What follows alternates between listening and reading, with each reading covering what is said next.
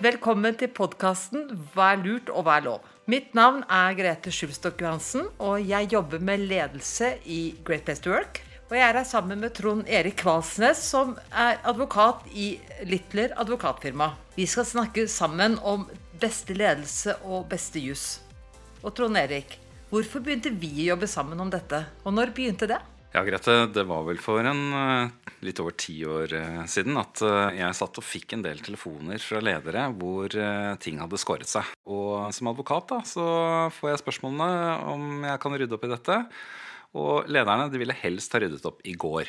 Og det jeg kunne se for mange av disse sakene, som uh, dreide seg om medarbeidere som på ulike måter ikke hadde fungert i virksomheten, det var jo at uh, det fantes steder hvor man kanskje kunne ha funnet løsninger på et tidligere tidspunkt. Og da så jeg ganske fort også at uh, her dreier det seg både om hvordan ledelse har vært utøves, og hvordan jussen har vært utøvd. På bakgrunn av det så tenkte jeg at kanskje vi kunne hjelpe disse lederne før de kom til meg. Selvfølgelig, det, det, er jo ikke noe business for en advokat å på en måte hjelpe folk til ikke å få konflikt. Men likevel så har jo eh, vi såpass mange grep både fra jusens side og fra lederskapssiden, Grete, som gjorde at eh, jeg tenkte at kanskje vi skal lage noe sammen. Og det var da vi sammen eh, fant ut at skal vi lage dette kurset, hva er lurt og hva er lov? Som vi jo har kjørt for mange mellomledere og mange virksomheter for å hjelpe dem med best jus og best ledelse å være en slags one stop shop. Og ikke at de da må gå til deg for å få svar på ledelse, og meg for å, gå, å få svar på jussen. Og forhåpentligvis så har vi i løpet av disse årene Grete, klart å forhindre i hvert fall noen konflikter. Jeg tenker, Når vi snakker om dette, Grete, så er det jo litt sånn at de som hører på, vil jo sikkert ha noen råd til hva vi på en måte har opplevd at det har vært gode nøkler. da. Jeg tenker, Grete, Kan du si litt om hva som kjennetegner de beste lederne?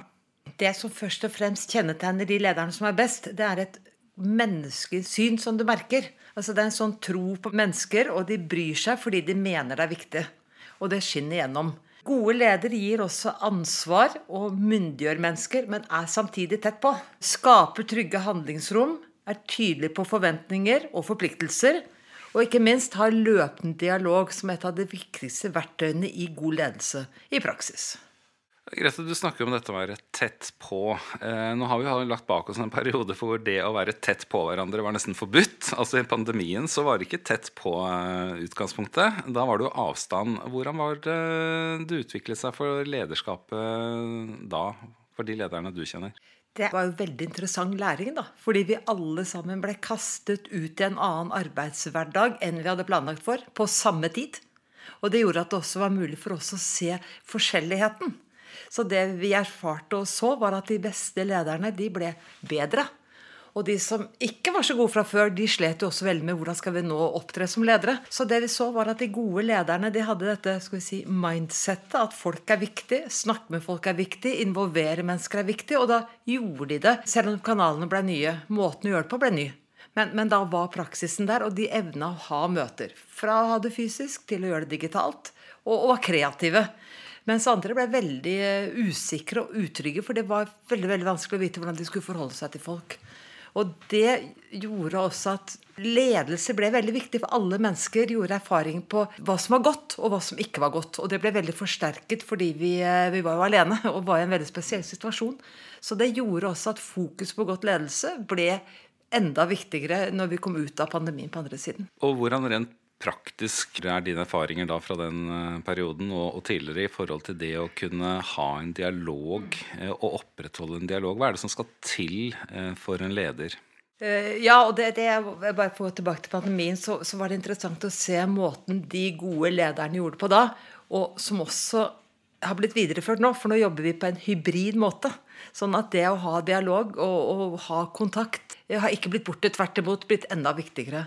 Og det som helt sånn tydelig og klart kjennetegner gode ledere, at de, har, de leder mye gjennom løpende dialog. Det vi kaller for én-én-samtaler. Og det er eh, ikke medarbeidersamtaler i sånn gammeldags forstand, som man gjør én gang i løpet av år eller to eller tre.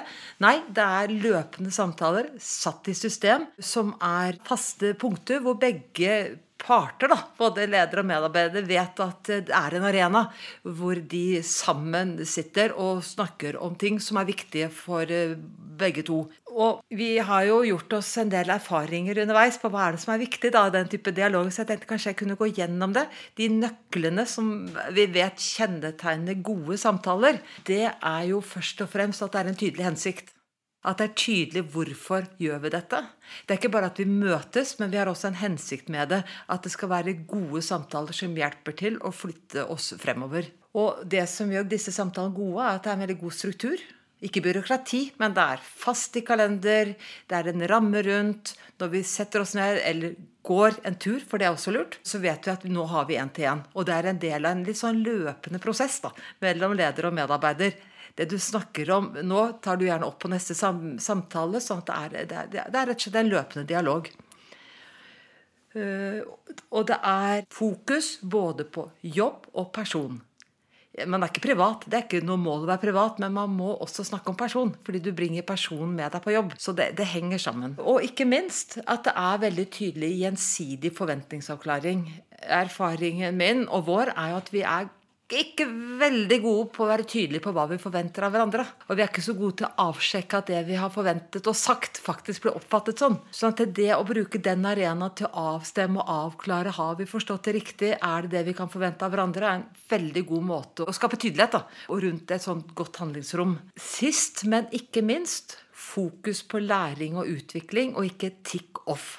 At man, har, eh, at man, har, gjennomført noe, det er helt fint å vite. Men det viktige er også å lære hva var det som skjedde, hva gikk bra, hva kan vi gjøre videre. Og at ikke vi tikker av, vi, eh, for det kan vi egentlig gjøre på helt andre måter. Så fem tydelige nøkler som eh, alle kan bruke. Det gjelder jo å trene. Men det er i hvert fall noe som vi at, som vi ser fungerer i praksis. Jeg har lyst til å nevne i tillegg til det at gode ledere eh, er også veldig tydelige på at de har en lederrolle. De går inn i en rolle hvor det stilles noen forventninger fordi de som ledere også skal Det De er jo kulturbærere på mange måter. da. Eh, at de er bevisste på måten de opptre på i sin lederrolle. At de er bevisste på at det de sier og det de gjør, betyr noe i forhold til folk, hvordan folk opplever retning, opplever virksomheten. Men at de også er tydelige på at de har en formell rolle. Som gir dem en myndighet som leder. Da. Og det er liksom dytter meg over i jussen. For jeg tenker det er liksom spennende å si litt mer. Hva ligger i den formelle rollen som ledere har? Utover det at de bidrar til å, å, å tydeliggjøre både retning og, og, hva man skal. Ja, Dette er interessant, Grete. For to sider her som vi er i berøring med. ikke sant? Det ene som du snakker om, det er hvordan du på en måte kan bygge tillit som leder og få tillit. Det andre er at du har faktisk en posisjon som leder som ikke er helt lik den ansattes utgangspunkt. I jussens verden så sier vi jo ofte at uh, som leder til å lede Jeg bruker ofte ordet ledelsesrett Rett og slett fordi jeg sier at uh, du som leder har rett til å lede. Og Forskjellen ligger jo i uh, altså vennegjengen. Der uh, har du kanskje en leder som i utgangspunktet som er leder fordi at folk ser opp til deg. Mens i virksomheten så er du en leder rett og slett fordi du har gitt i kraft av det vi litt kjedelig vil kalle kontrakten din, da, eller posisjonen din. Og så er det jo sånn i norsk arbeidsliv, og det setter du meg litt på, på sporet av, Grete. ikke sant? Du snakker om å være bevisst lederrollen. men det dreier seg jo også om faktisk å være bevisst hvilke rettigheter og plikter lederrollen gir deg. Fordi det er ingen tvil om at norske ledere har en del rettigheter. Og vi opplever kanskje Grete, ofte at uh, de rettighetene blir mer uh, speilet på arbeidstaker og med, uh, altså medarbeidernes side. At man snakker om medarbeidernes rettigheter. Men selve det vi kaller styringsretter, eller ledelsesretten, som jeg kaller det, det vil jo i utgangspunktet være ganske vid rett som lederen har. Og jeg tror, som konkrete ledere, at det er ganske mange ledere som ikke kjenner hvor store rettigheter de har. Og jeg tror også at ganske mange ledere ville vært mye tryggere i lederrollen hvis de var klar over hva jussen ga dem av rett til å lede. Og da tror jeg også at de ville kanskje være tryggere, og den tryggheten kan jo også da i utgangspunktet brukes til å skape tillit gjennom f.eks. dialog. Da. Og da er jo spørsmålet denne oppskriften på dialog, hva du tenker om den. Så som advokat så har du også en tydelig oppskrift til en dialog i forhold til når man skal ta opp ting som er vanskelig, men som også kan brukes i alle tilfeller. Altså når man skal gi tilbakemeldinger eller alle hverdagssituasjoner, i tillegg til de mer alvorlige tilfellene. Som leder så har du jo situasjoner hvor du opplever at noen ikke gjør jobben sin. Hva gjør du som leder, da? Du har jo noe som kalles Trond Eriks fire punkter. Kan du ikke fortelle litt mer om det? Ja, det stemmer det, Grete. Jeg har jo fire punkter som jeg har eh, prøvd å være litt tydelig på i forhold til å gi ledere enkle råd for oppfølging. Punkt én det er rett og slett å forbered deg og ta opp forholdet med den ansatte. Skriv gjerne ned på forhånd i kulepunkter hva du har tenkt å ta opp. Finn et egnet sted. Du nevnte det selv, Grete. Gå en tur, eller eh, finn et tidspunkt som er fast, eller som er, uh, passer. Når du har gjort det, så har du egentlig gjort en forberedelse. Og ikke gjør så mye mer ut av det. Ikke lag subjektive bebreidelser eller lignende. Prøv å være mest mulig objektiv i det du beskriver. Punkt to lytt. Hør hva den ansatte har å si. Det er ikke sikkert du er enig, men noter den ned, eller la den ansatte snakke. Og det gir oss et utgangspunkt for rett og slett som ledere å høre hvor den ansatte er. Høre hva som kan være mulig løsning. Og er du uenig med den ansatte, eller den ansatte sier ting som ikke stemmer, så får du bare notere ned, og så får dere ta diskusjonen litt senere ut i punkt fire. Som jeg kommer tilbake til. Punkt tre er å være tydelig på forventningene til den ansatte. Om dette dreier seg om oppmøtetid, om det dreier seg om prestasjon, om det dreier seg om oppførsel eller hva det er. Fortell hvordan virksomheten forventer, og hva virksomheten forventer at den ansatte presterer på, eller lignende. Dette er jo en del av det jeg snakket om i sted, som er styringsretten, som virksomheten har eh, en mulighet til å sette mål for. Begrunn gjerne hvorfor man har behov for at man skal være presis, eller behov for prestasjon. Men bare uansett hva som var sagt av den ansatte, om det var en god eller dårlig unnskyldning vedkommende kom med, benytt anledningen til å si at ja, men husk at her hjemme hos oss, så gjør vi det på denne måten. Punkt fire da er tiden kommet for å finne ut hva du skal gjøre. Ikke sant? Nå har du fortalt i punkt 1 den ansatte eh, hva utfordringen går i. Den ansatte har fått i punkt 2 sagt sin historie, og i punkt 3 så har du sagt hva du mener er virksomhetens standard eller mål. Punkt 4 så er spørsmålet hva gjør vi nå? Skal vi nå legge opp til at den ansatte skal få en mulighet over tid til å forbedre seg? Skal vi legge opp til at eh, den ansatte får opplæring, eller er det andre midler vi skal bruke? Eller er vi rett og slett kommet til et punkt hvor dette begynner å dra seg litt til? Eh, og vi må faktisk tenke på er vi i retning av nå å gi en advarsel, eller skal vi gå enda lenger eh, og vurdere om vi nå har kommet inn i en situasjon hvor vi må vurdere å avslutte arbeidsforholdet på en eller annen måte. Det siste går vi ikke inn på nå, Grete. Da er vi over i de alvorlige forholdene. Men utgangspunktet er at gjennom disse fire punktene Altså forbered deg, å ta det opp. Lytt. Husk å repetere hva som er virksomhetens krav. Og punkt fire, lag en oppfølging. Eh, så har du en viss grunnmetodikk når du kommer inn i samtalene med den ansatte. Takk, takk for deling. Eh, det er en så god og konkret oppskrift. Og når jeg hører du beskrive den, så tenker jeg det er også uttrykk for en sånn respekt. At man snakker til hverandre på en respektfull måte, som er så viktig uansett hvor man er i et løp. da. Eh, og som jeg sa i stad, Dette er jo også en måte å samtale på som kan brukes i helt hverdagsting. Når man har løpende dialog, at det ikke blir en sånn type vanskelig samtale, men man snakker om forhold som begge parter liksom kan bearbeide. Om du kunne gi noen eksempler? Eh, bare sånn For å gi det litt kjøtt på beinet i forhold til hva ja, bare for å høre, høre, fra dine erfaringer, da. Vi kan ta et eksempel fra, fra virksomheter som f.eks. driver med salg. Ikke sant? Eh, det er eh, ansatte som, eh, som ikke får det salgsmålet som virksomheten krever. Det første man må gjøre, er jo rett og slett å sette seg ned og peke på hva resultatene er. Og det i seg selv Grete, gir jo en, ofte en effekt.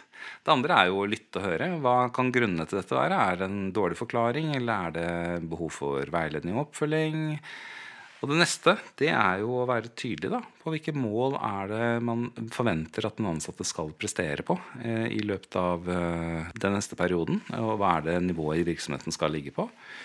Eh, og det fjerde det vil jo da være å følge opp. Enten med det som har kommet frem av at man trenger opplæring, eller det man rett og slett eh, selv eh, oppfatter at det er eh, kanskje utfordringene for virksomheten. Men også stramme til og si at vet du hva, nå har du fått både opplæring og utfordringene virksomheten er dekket, så nå forventer vi i løpet av neste periode at dette forbedres. Og hvis ikke det forbedres, så får vi gå videre. Men jeg tenker Grete, at dette er helt enkel metodikk for oppfølging.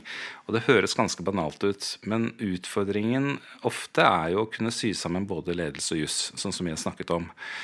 Og i disse fire punktene så har du basisen på jussen, men du får også det du sier, da.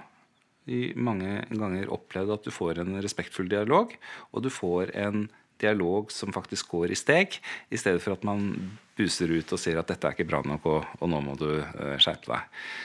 Uh, så forhåpentligvis kan denne metodikken hjelpe i den konkrete oppfølgingen. Ja, og jeg tenker selv det jeg sa i stad, at eh, det å være tydelig i forventningsavklaring er så viktig. Det har det alltid vært, men kanskje enda mer nå når vi jobber med selvledet, hvor ledelse er mer å støtte, og at man da får ordentlig sånn gode samtaler, og begge parter vet hva som skal skje. og da tror jeg det er punkt to som du har i din metodikk, er så viktig. At ikke man bare sier 'jeg forventer dette', men man også avstemmer 'når jeg sier det, hva tenker du da'? Eller hva betyr det for deg? Og da får man en ordentlig dialog, da, og ikke en enveis.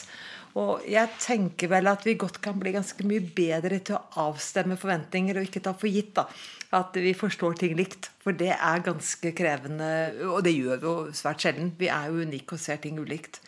Så, så, den metodikken, den måten å tenke på, med å involvere, med å avstemme, ved å ha den ordentlige dialogen, er definitivt noe som binder sammen både god ledelse og, og god juss. I det praktiske, da. Du har jo snakka mye om tillit. Vi snakker mye om ledelse basert på tillit. Vi vet jo at tillit er det limet som skaper den gode relasjonen. Når du har gode relasjoner, så, så, får man til mer. Man tåler mer. Man hjelper hverandre til å bli bedre. Så hvis jeg sier det litt sånn i forhold til uh, jussen inn i det bildet, da, hva er det som du har lyst til å si sånn helt avslutningsvis rundt det?